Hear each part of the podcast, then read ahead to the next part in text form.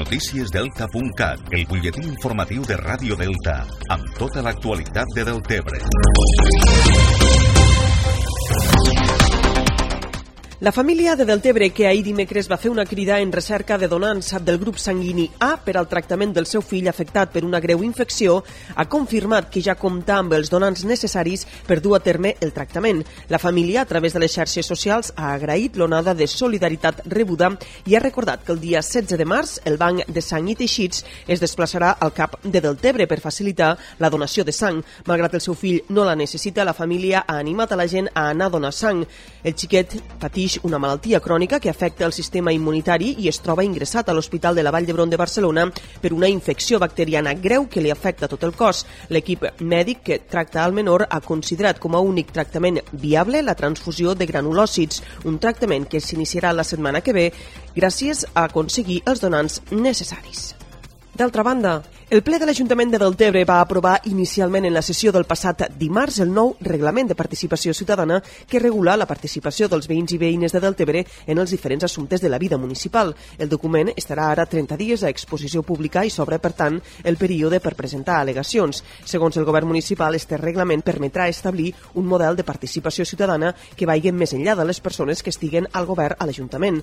La regidora de la CUP, Diana Santiago, va retraure, però, al govern municipal que no se'ls hagi deixat participar participar de la redacció del reglament i se'ls hagi entregat un document ja fet. El reglament de participació ciutadana pensem que ja comença amb el peu, és a dir, se ens ha entregat un reglament ja redactat i sense tindre en compte els diferents portaveus dels diferents partits polítics que estem en este plenari. Participació no se'n diu entregar un reglament, quatre dies o cinc dies abans de les comissions informatives per tal que féssim aportacions a un document ja redactat, com acabo d'explicar, Participació se'n diu a cridar els diferents portaveus per tal de poder-ho redactar conjuntament si aquesta és la intenció. El regidor de Participació Ciutadana, Carlos Serra, va contestar a la regidora que ja es va donar un termini d'una setmana per fer aportacions al document. Sí que inicialment doncs, ja els vam donar el reglament, però sí que els vam enviar per a que vostès puguen fer l'aportació oportuna. Per tant, li agraeixo molt les aportacions que vostè ha fet aquí, però li ho hagués agraït més si l'hagués fet durant aquest període, durant aquest correu, tal com dia el correu, de que durant aquests sis dies, durant tots aquests dies li vam donar, doncs estava al seu servei per a poder escoltar aquestes aportacions. Tant la CUP, que va votar en contra del reglament, com els grups municipals d'Esquerra Republicana i Compromís d'Esquerres, que van abstindre's, van insistir que no havien tingut temps suficient per revisar el reglament i que, si s'escau, presentaran al·legacions durant el període d'exposició pública. El ple de l'Ajuntament de Deltebre va aprovar també dimarts la proposta de zonificació escolar que regularà l'assignació de centre en la preinscripció escolar dels infants nascuts al 2016 per al proper curs 2019-2020. Segons el cens, a Deltebre hi ha 101 alumnes nascuts el 2016 i que el pròxim curs començaran P3.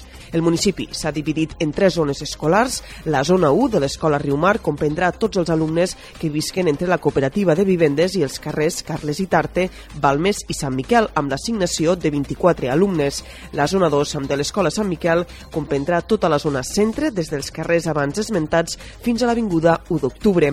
En este cas, l'escola té una assignació de dos línies de 24 i 25 alumnes.